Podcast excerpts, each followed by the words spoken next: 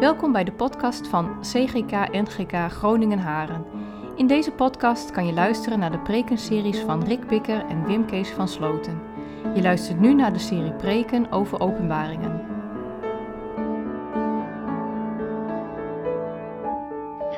Ik wil graag met u verder lezen uit de openbaring, hoofdstuk 6. Ik wil even zeggen dat uh, ik heb de nieuwe Bijbelvertaling versie 2021 meegenomen. Toen zag ik dit. Het lam verbrak één van de zeven zegels. En ik hoorde één van de vier wezens roepen met een geluid als een donderslag. Kom! Ik zag dit. Een wit paard met een ruiter die een boog droeg. Hij kreeg een zegenkrans en trok op als een overwinnaar op weg naar een nieuwe overwinning. Toen het lam het tweede zegel verbrak, hoorde ik het tweede wezen zeggen, kom. Er verscheen een ander vuurrood paard. De ruiter kreeg de opdracht om de vrede uit de wereld te verdrijven, zodat men elkaar zou afslachten. Hij kreeg een groot zwaard. Toen het derde zegel werd verbroken, hoorde ik het derde wezen zeggen, kom. Ik zag dit, een zwart paard met een ruiter die een weegschaal in zijn hand hield. Ik hoorde iets als een stem te midden van de vier wezens zeggen, een dagloon voor een portie tarwe en een dagloon voor drie porties gerst. Maar laat wijn en olie ongemoeid. Wijn en olijfolie ongemoeid. Toen het vierde zegel werd verbroken, hoorde ik het vierde wezen zeggen, kom. Toen zag ik een vaalgeel paard. De ruiter heette Dood. Een dodenrijk vergezelde hem. Zij kregen toestemming om op een vierde deel van de aarde dood en verderf te zaaien. Door middel van het zwaard, hongersnood, dodelijke ziekte en wilde dieren. Toen het lam het vijfde zegel verbrak, zag ik aan de voet van het altaar de zielen van al degenen die geslacht waren. Omdat ze over God hadden gesproken en vanwege hun getuigenis. Ze riepen uit, O heilige en betrouwbare Heer, wanneer zult u de mensen die op de aarde leven eindelijk straffen en ons bloed op hen wreken? Ieder van hen kreeg witte kleren. Verder werd hun gezegd nog een korte tijd geduld te hebben, totdat het aantal dienaren compleet zou zijn. Zij en hun broeders en zusters, die net als zij gedood zouden worden. Ik zag toen het zesde zegel verbroken worden. Werd. Ik zag toen het zesde zegel verbroken werd. Hoe er een zware aardbeving kwam. De zon werd zwart als een rouwkleed. En de maan werd bloedrood. De sterren vielen op de aarde. Zoals late vijgen die door een stormwind van de boom worden gerukt. De hemel scheurde los en rolde zich als een boekrol op. Geen berg of eiland bleef op zijn plaats. Koningen, machthebbers, legeraanvoerders, rijke, aanzienlijke, slaven en vrije mensen, iedereen trachtte zich te verbergen in grotten en tussen de rotsen in de bergen. Ze riepen de bergen en de rotsen toe, val op ons neer, verberg ons voor het oog van hem die op de troon zit en voor de toren van het lam. Want nu is de grote dag van hun toren aangebroken. En wie kan die doorstaan? Tot zover het lezen uit het woord van God. Je zou eigenlijk uh, kunnen zeggen van zo'n Bijbelboek als openbaring werkt een beetje als een, uh, zo'n ronde trap. Kun je dat voorstellen? Zo'n trap die in cirkels omhoog gaat. En dan elke keer loop je een stukje omhoog en dan zie je hetzelfde nog een keer, alleen dan net van een iets ander afstand. En dan loop je nog een keer en dan kijk je weer naar beneden en zie je hetzelfde, of je kijkt omhoog en je ziet hetzelfde, alleen de afstand ertoe is net veranderd. Zo zie je elke keer bepaalde dingen weer terugkomen. Nou, een van die dingen die elke keer terugkomen op die trap, als je daar rondjes op loopt, is de, de menigte. Het volk van God dat in witte kleren is. Nou, we hebben het vanmorgen en hier ook al eens op andere, andere zondagen gehad over, over Jozef, over dat kleed en over dat bekleed worden. Nou, die menigte die witte kleren krijgt, dat is eigenlijk een symbool van dat je door God aangenomen wordt als zijn kind. En dat hij naar je kijkt en dat hij geen schuld meer ziet en geen, geen dingen ziet die misgaan, maar alleen maar zijn heerlijkheid ziet. Een wit kleed. En we hebben dat net ook gelezen over dat, dat dat volk van God die witte kleren aankrijgt. En dat komt nog een aantal keer terug in de komende weken. Maar nu al ook. Dus ik wil graag na de preek samen met u zingen uit de bundel schriftberijmingen, nummer 33. Wie zijn het die daar komen, in stralend wit gekleed, hun rouw is weggenomen. Zij komen groot en klein uit angst en uit verdrukking. En zij zingen in verrukking, voorbij is alle pijn. Dat is het perspectief. Dat is een berijming van een ander gedeelte van openbaring. Dat straks. Ja, gemeente van de Heer Jezus Christus. De vorige keer, uh, vorige week, hebben we stilgestaan eigenlijk vooral bij de liturgie in de hemel. En toen hebben we gezegd van, als je nou samen in de dienst, eredienst beleeft, laat dan dat besef er ook zijn van dat dit alleen maar een soort heel slap aftrekseltje is van wat er in de hemel is. Namelijk de aanbidding van God en de heerlijkheid die daar, dat is zo groot en dat is zo machtig en dat is zo indrukwekkend. Want dan is er niks meer wat tussen God en jou in zit. Dat is hier altijd nog wel. Je hebt je eigen hart bij je en allerlei andere dingen die je parten spelen. En toen hebben we het ook nog even kort gehad over dat in, in die liturgie ging het dan over de aanbidding van de leeuw, de leeuw van Juda, en die leeuw bleek dan het lam te zijn. Christus. Die dus aan de ene kant krachtig is en machtig en sterk, en aan de andere kant als een lam, zachtmoedig en nederig. Koning en priester tegelijk, zou je zeggen, met woorden uit het Oude Testament. En die Christus, die mag de boekrol open doen. En die boekrol, dat is eigenlijk, ja, zoals bij ons ook een boek. Hè? Je, zou het bijna kunnen vergelijken met, met een Bijbel. Een boek waarin staat wat God gaat doen met deze wereld. Waarin het plan zit waarmee Gods koninkrijk komt. En dat boekrol heeft zeven zegels. En dus zeven, ja je zou kunnen zeggen, zeven keer moet er iets opengemaakt worden voordat die boekrol helemaal opengevouwen kan worden om gelezen te worden. Zeven keer moet er, ja, je zou bijna denken aan een soort een drukknoop losgetrokken worden, hè, zoiets. Zeven keer.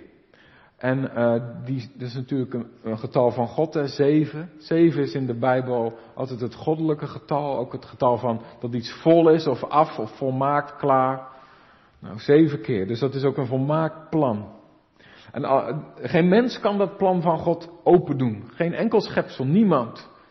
En dan is er ook een stilte in de hemel. Maar dan blijkt de leeuw, die ook het lam is, Christus, hij alleen is waardig om dat boekrol open te doen. Alleen in Christus kan Gods plan voor de redding van de wereld ook werkelijkheid worden. Alleen door Hem. En, en Hij is de enige die ook gezag heeft om dat plan te doen en ook open te maken. Nou, en dan gaan die zeven zegels open. Zeven keer wordt er een stukje van dat plan van God aan ons verteld. Door de woorden van Johannes heen. En de eerste zes keer daarvan gaan we nu samen lezen en bespreken. En misschien was het u opgevallen um, dat, dat er dan niet zeven zijn. Uh, dat is heel vaak zo. Moet u maar eens op letten. Um, in de openbaring gaat het elke keer om zeven dingen. Zeven brieven, die hebben we wel allemaal in één keer besproken.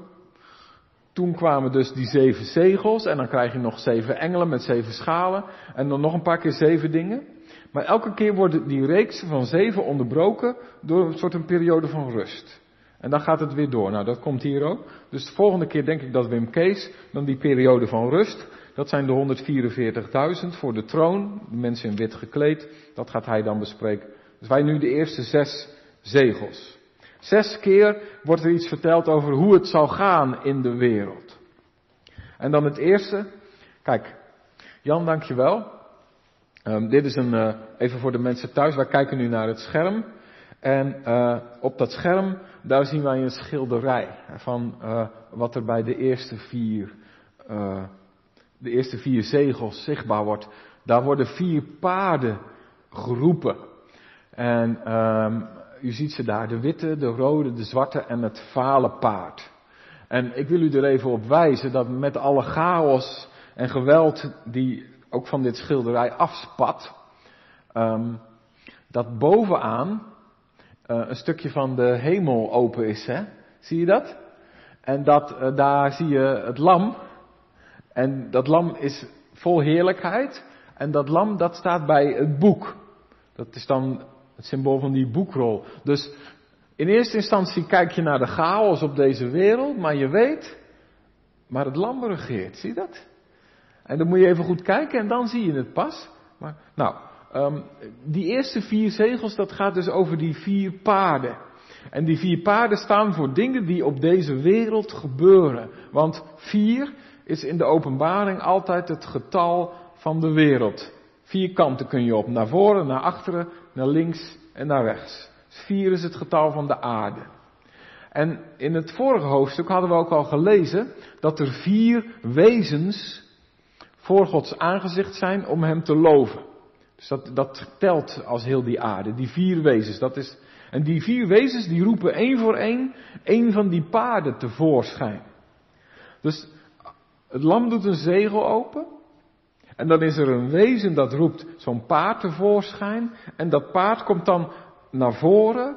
En dat rijdt dan zo ons blikveld binnen. En je zou kunnen zeggen, dan rijdt het door de wereld over. En wat er dan komt, dat is vaak chaos en geweld. Een beetje hoe het soms ook voelt voor ons. Om te kijken naar deze wereld om ons heen. Wat ik daar even bij wil vertellen, gemeente. Misschien wist u dat dat uh, vroeger, in de tijd van het Nieuwe Testament, um, als er dan in Rome een nieuwe keizer soort op de troon gezet werd, ge gekroond werd, dan werd er een groot feest gevierd.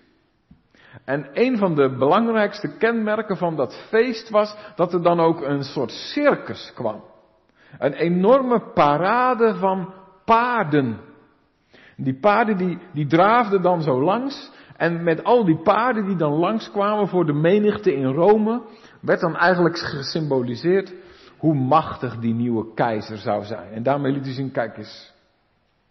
Dus die parade, daar moet Johannes aan gedacht hebben toen hij dit opschreef. Maar kijk eens even, dit is de parade van mensenmacht. Als de mensen gaan laten zien hoe machtig ze zijn, dan krijg je dit. Zo lees ik, zo lees ik dit stukje. Het getal 4 wijst op de aarde. En die gedachte aan die parade van de keizers van Rome. Dan denk je dus die paarden die staan voor. Wat gebeurt er als je mensen de ruimte geeft op aarde? Dan krijg je dit. Een wit paard, dat staat voor overwinning, of eigenlijk voor, uh, ik zoek even een ander woord, onderwerping, dat woord zocht ik. Het wil ergens overheersen en het wil nog een keer over iets heersen en het wil nog een keer iets overheersen. Het is nooit klaar. Dat is het witte paard. Er zijn wel hele discussies over, dat wil ik wel even heel duidelijk zeggen. Er zijn ook mensen die zeggen, nee, dat witte paard, dat is Christus. Want hij regeert en hij is overwinnaar. En verderop in de openbaring kom je Christus ook tegen als witte paard. Of dan zit hij op een wit paard. Nou, dat laatste, dat klopt, dat kan ik helemaal niet ontkennen. En dan heeft hij zo'n zo'n zwaard ook uit zijn mond, een tweesnijdend zwaard, en dan is hij dan is die indrukwekkend. Ik snap die redenering wel, maar ik denk dat, wat ik net zei, hè, vanwege dat vier, dat geeft altijd aan, dit komt uit de aarde voort. En ook vanwege die andere paarden, die, die, dat zijn allemaal geen fijne beesten. En ook wat er over dit paard geschreven wordt, het gaat om een paard dat wil onderwerpen en elke keer weer onderwerpen. Dus ik denk dat deze vier paarden staan voor, wat gebeurt er op deze wereld als je mensen hun gang laat gaan? Nou, dan krijg je mensen die willen altijd meer. Dat had je vroeger al. Iedereen wilde de koning zijn van heel de wereld.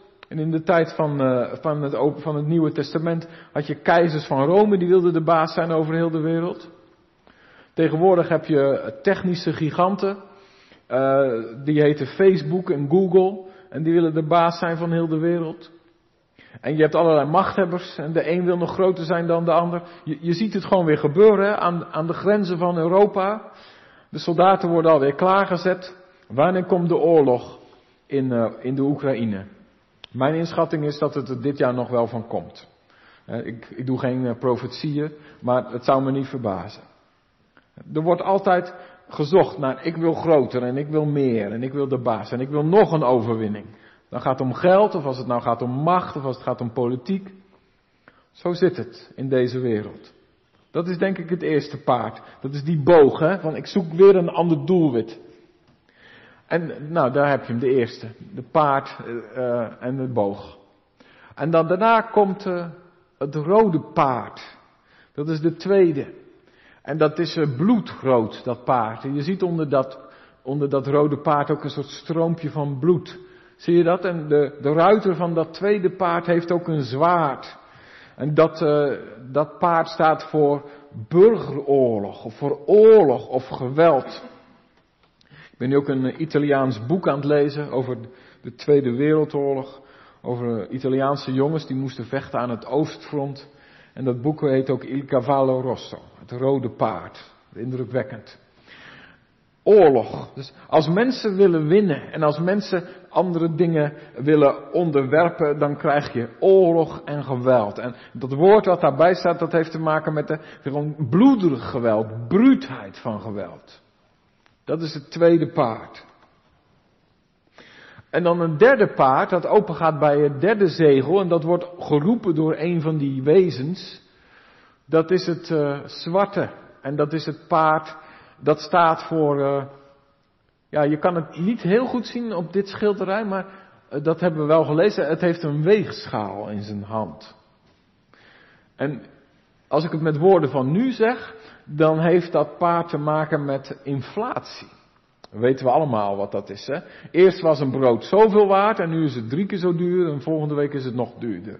En dat gaat zo met gerst en dat gaat, een, denk al helemaal niet aan olijfolie, dat is helemaal niet meer te betalen. Daar gaat het over. Hè? Het eten wordt duur en als het eten duur wordt dan krijg je honger. En dan krijg je onstabiele toestanden. Dat is dat paard. Dus dat is ook machinaties van mensen, hè, die met geld schuiven en die alles voor zichzelf willen hebben en de, de 1% van de allerrijksten willen alles naar zich toe halen en anderen die hebben geen geld om uh, hun kinderen te eten te geven. En van zulke soort dingen krijg je honger en onrecht. En dan krijg je het laatste paard. Het vale paard. Soms wordt er iets geschreven van geel-bruin. Maar eigenlijk het woordje wat je daar leest in het Grieks kun je ook vertalen met een kleur dat het lichaam heeft van iemand die overleden is. Vaal. Nou, zo'n nare kleur heeft dat laatste paard ook wel in ons schilderij, vindt u niet? Dus het is eigenlijk nog naarder dan al die anderen bij elkaar, vind ik. En dat is het paard van de dood. En er zijn ook mensen die, uh, die denken dan aan ziektes die rondgaan. Pest, en andere besmettelijke ziektes. Nou, daar weten we in onze dagen ook alles van. En samen met dat paard uh, komt dan ook het dodenrijk mee. Dat vergezelt hem. Overigens, het Griekse woordje wat daar staat, dat uh, kennen de mensen wel. Vanmorgen hadden we het even over Star Wars. Zijn er ook mensen die houden van Marvel films? Ik kijk even in die hoek. Liefhebbers van Marvel films? Nee, daar, daar heb. Ah, kijk, van jullie wist ik het trouwens wel, ja. Daar heb je een, eh, een slechte, de, de, grote anti-held in die films, die heet Thanos. Nou, en hier gaat het vierde paard vergezeld van iemand die heet Thanatos. Dat betekent dood. En dat, ook, dat is ook een woord dat hoort bij wat in de Griekse denken de onderwereld is. Wij zouden dat de hel noemen misschien. Dus dat, dat hoort er ook bij. En ik denk gemeente dat, dat je dus die vier dieren moet zien als, die worden geroepen door die vier beesten van de aarde. Dat komt dus niet bij God vandaan. Maar Christus doet wel die zegels open en hij geeft ruimte aan, aan wat er op aarde zich afspeelt om zich dat te voltrekken. En dit krijg je als op aarde de mensen hun gang gaan. Honger, geweld, onderdrukking, chaos, nare toestanden. En nou, ik heb wat dingen genoemd waarvan je zegt dat zijn dingen van alle tijden. En waarvan je ook zegt dat zijn ook dingen van vandaag. Het is vandaag niet anders dan 100 jaar geleden of 2000 jaar geleden. Zoals het Toen werd gezien, hè, in de tijd van Johannes, was dit volkomen herkenbaar. Want zo ging het in Rome en zo ging het in Jeruzalem. En zo gaat het vandaag nog, ook in de centra van de wereld en ook hier in Nederland. Spelletjes om de macht. Corruptie, geweld, onderdrukking, honger. Dat is hoe deze wereld is. En als u dit hoort, dan hoop ik dat u zegt, ja, ik herken dit. Dit komt ook bij mij zo binnen. In het grote en in het klein. Zo zie ik het om me heen. Zie je, de Bijbel wint er geen doekjes om, die maakt het niet mooier dan het is. Die zegt, kijk eens even, dit is het. Dit is een plaatje van ook jouw leven. Zo is de wereld, en dan zeg ik er maar even bij in woorden van Paulus, zo is de wereld die in barensnood is. Dit zijn de weeën. God zal die zegels verder open doen en dan komt zijn koninkrijk. Maar dit is hoe het is. Nou, dat waren de eerste vier. En dan ga ik nu met jullie kijken naar uh, het volgende. Dat is vanaf vers 5. Dat is, als dan, uh, vanaf, dat is, ehm, het tweede, dat is natuurlijk niet vers 5, maar zegel 5. Um, ehm, en, en dat is dan opeens het centrum van de wereld. Zo werd dat in die tijd gezien. Toen het lam het vijfde zegel verbrak, zag ik aan de voet van het altaar de zielen van al degenen die geslacht waren, omdat ze over God hadden gesproken en vanwege hun getuigenis. En ze riepen luid, O heilige en betrouwbare Heer, wanneer zult u de mensen die op aarde leven eindelijk straffen en ons bloed op hen wreken? Ieder van hen kreeg witte kleren en verder werd tegen hen gezegd dat ze geduld moest hebben, nog een korte tijd. Totdat het aantal dienaren compleet zou zijn. En dan, dan gaan we weer verder. Maar dat is dus nadat je hebt geschilderd gekregen hoe het er aan toe gaat op aarde. Gaat de camera naar het volk van God.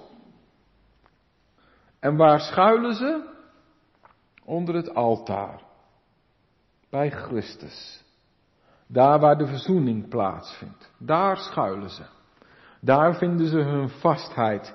En daar vinden ze hun zekerheid. En, en wat doen ze?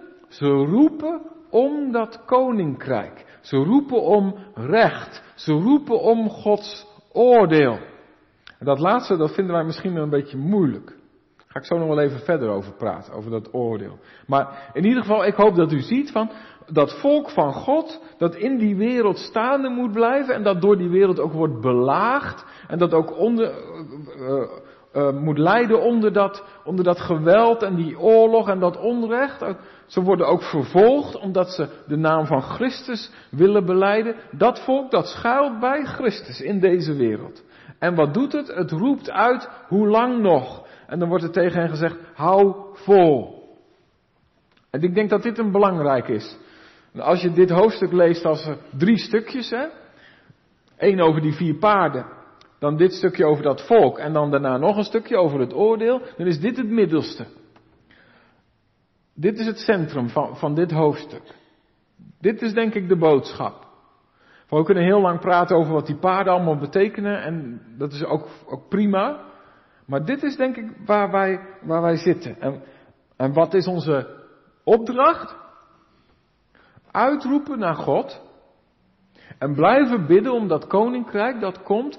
En ook blijven, en dat is denk ik wat hier gebeurt, blijven dat je er niet mee akkoord gaat. Dat het zo gaat zoals het gaat in deze wereld.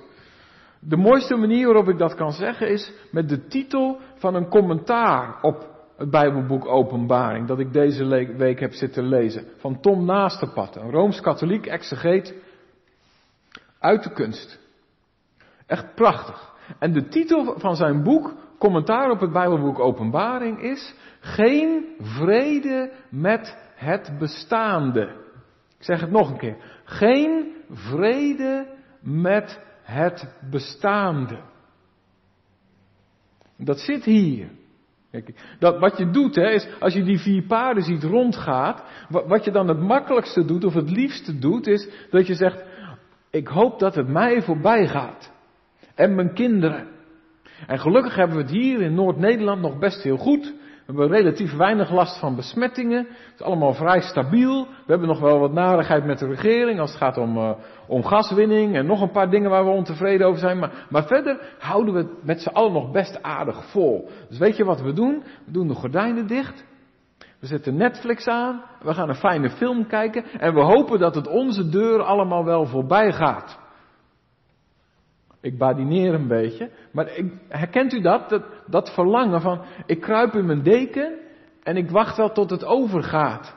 En ergens dat je het verlangen hebt om maar te accepteren dat het er is in de wereld. Het onrecht en de zonde en de dood en, en, en die vier paarden die rondgaan en die mensen die met een pijl en boog weer iets anders willen overwinnen. En die mensen die maar oorlog willen en mensen die de kerk willen aanvallen en vervolgen en al die, de, de, de honger. En, maar dan zegt Tom Naastenpad met zijn titel, nee, nee, nee.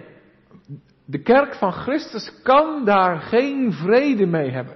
Die moet dat op het netvlies houden. Zo ziet de wereld er nu, nu, uit. En dit is de wereld waar wij in leven. En wij kunnen niet in ons kleine hoekje in vrede zitten, net doen alsof het allemaal goed gaat met ons. Want er is een strijd gaande. En wat is onze taak? Uitroepen.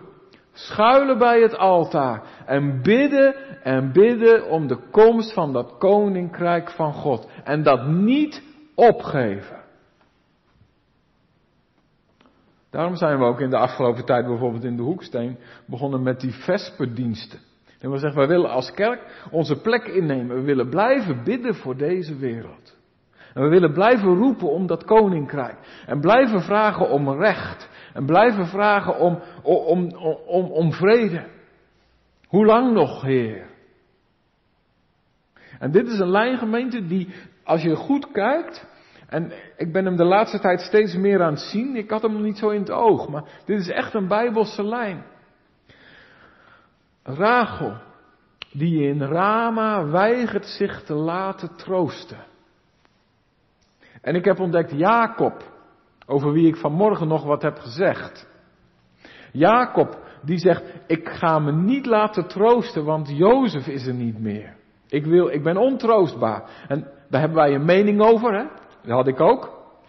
En daar blijf ik ook bij. Maar de Joodse uitleggers zeggen, er is ook een andere kant. Het is mooi als je je weigert te laten troosten. Want dat betekent dat je blijft uitzien naar een nieuwe wereld. Dat je blijft bidden om, om Gods vrede die nog moet komen. Dat je je er niet bij neerlegt dat het zo is. Maar dat je staande blijft en blijft roepen.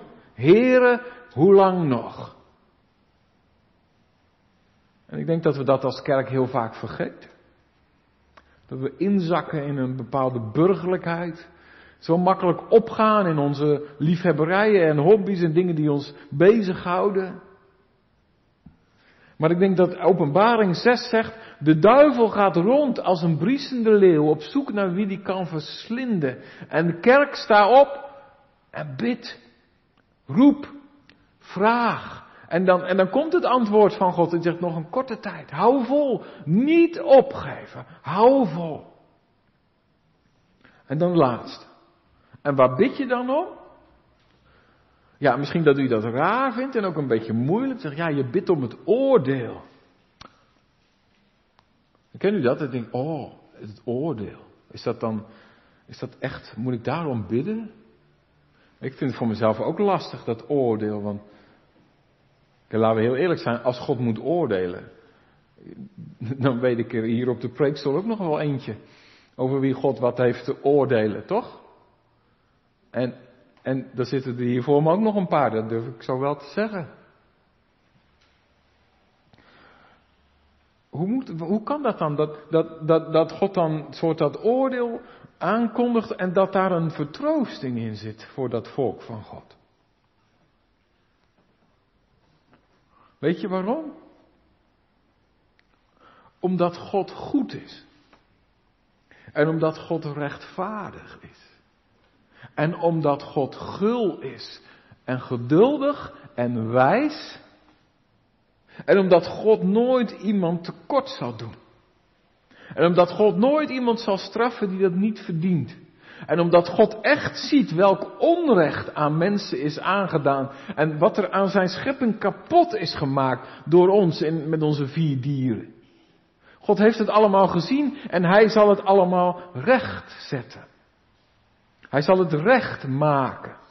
Zie, ik maak alle dingen nieuw. En op die nieuwe wereld kan het niet zo zijn dat de verhoudingen nog scheef zijn omdat er ooit iemand onrecht heeft gedaan. Dat wordt allemaal rechtgezet en weggedaan. En als je het zo hoort, gemeente, herken je dat dan? Zeg je, ja, als dat het is, dat God oordeelt, dat God alle dingen nieuw maakt. En, en dat dan echt voorbij is. Kwaad en onrecht en, en, en, en oorlog en geweld en zonde en jaloezie, dat het echt voorbij is, dat God het wegdoet.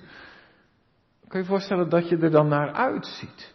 En dat er dan die vrede komt. Vrede voor de kerk die niet meer wordt belaagd. Ook vrede voor mij, omdat al die strijd in mijn hart voorbij is en ik niet meer hoef te vechten tegen al die rare dingen die soms naar boven komen in mijn hart. Allemaal dingen die ik wil, die niet goed zijn voor mij. En allemaal onwaarheden en leugens en jaloezie en nou, allerlei gekke verlangens en fantasieën. Dat, het dat dat zwijgt, omdat God dat overwint. Hoef ik er niet meer tegen te vechten, want het is over. Ik denk dat dat bidden om het oordeel, dat is bidden om die nieuwe wereld. Dat, is, dat ligt heel dicht aan tegen dat lied dat we net zongen. Geef vrede, Heer, geef vrede. Bekeer ons felle hart. Dat alles wat opstaat tegen u, met zijn pijl en boog en met zijn zwaard, het wordt allemaal neergehaald. En wie nederig naar u toe komt met lege handen, die wordt recht op de voeten gezet. Die krijgt, die krijgt vaste grond onder de voeten. Zo gaat het. En gemeente, als wij dat radicaal geloven, dan zijn wij een rebelse macht in deze wereld die niemand kan controleren. De financiële wereld niet, de economische wereld niet, de militaire wereld niet, de politieke wereld niet. Niemand niet. En zo is dat 2000 jaar. Maar dat kan alleen als wij een kerk zijn die schuilen bij Christus. En niet op onszelf wat rond gaan lopen. Maar onder het, onder altaar schuilen en bidden en uitzien naar, de, naar dat koninkrijk. En dat blijven verwachten. Geen vrede met het bestaande. Zeg het maar tegen je buren. Dit is niet het laatste. Dit, is, dit gaat niet winnen. Moet je maar eens opletten hoeveel mensen er in deze tuin bang zijn voor wat er komt. Zeggen, dit is wat ik zie. Vier paarden. En het wordt alleen maar erger. En dan zeggen wij, openbaring 21. Ik maak alle dingen nieuw. Ik zie een nieuwe hemel en een nieuwe aarde. Daar gaat het naartoe. Dat is wat openbaring 6 tegen ons zegt. Het oordeel komt en, en dat, is, dat is zwaar. En dan zullen er mensen zijn die zeggen, laat de schepping nou tussen God en mij in zitten. Laten de bergen maar over me heen vallen. Ik wil schuilen voor God. Want ik heb altijd gedaan alsof ik God ben. En dan word ik neergehaald. Maar iedereen die uitziet naar hem en die hem verwacht en die op hem hoopt, die zal worden rechtgezet. En dat is het evangelie. En daar mogen we naar uitzien. En ik stel voor dat we dat straks ook gaan doen met elkaar. Dat we daar samen om gaan bidden. En dat we daar samen ook van gaan zingen. We even zoeken. Oh ja, we gingen over die heiligen zingen. Gaan we, wie zijn er die daar komen? Dat is dat nieuwe, hè? die nieuwe wereld met de heerlijkheid van Christus omkleed. In Hem vast, in Hem gered, in Hem veilig. Laten we dat samen zingen. Amen.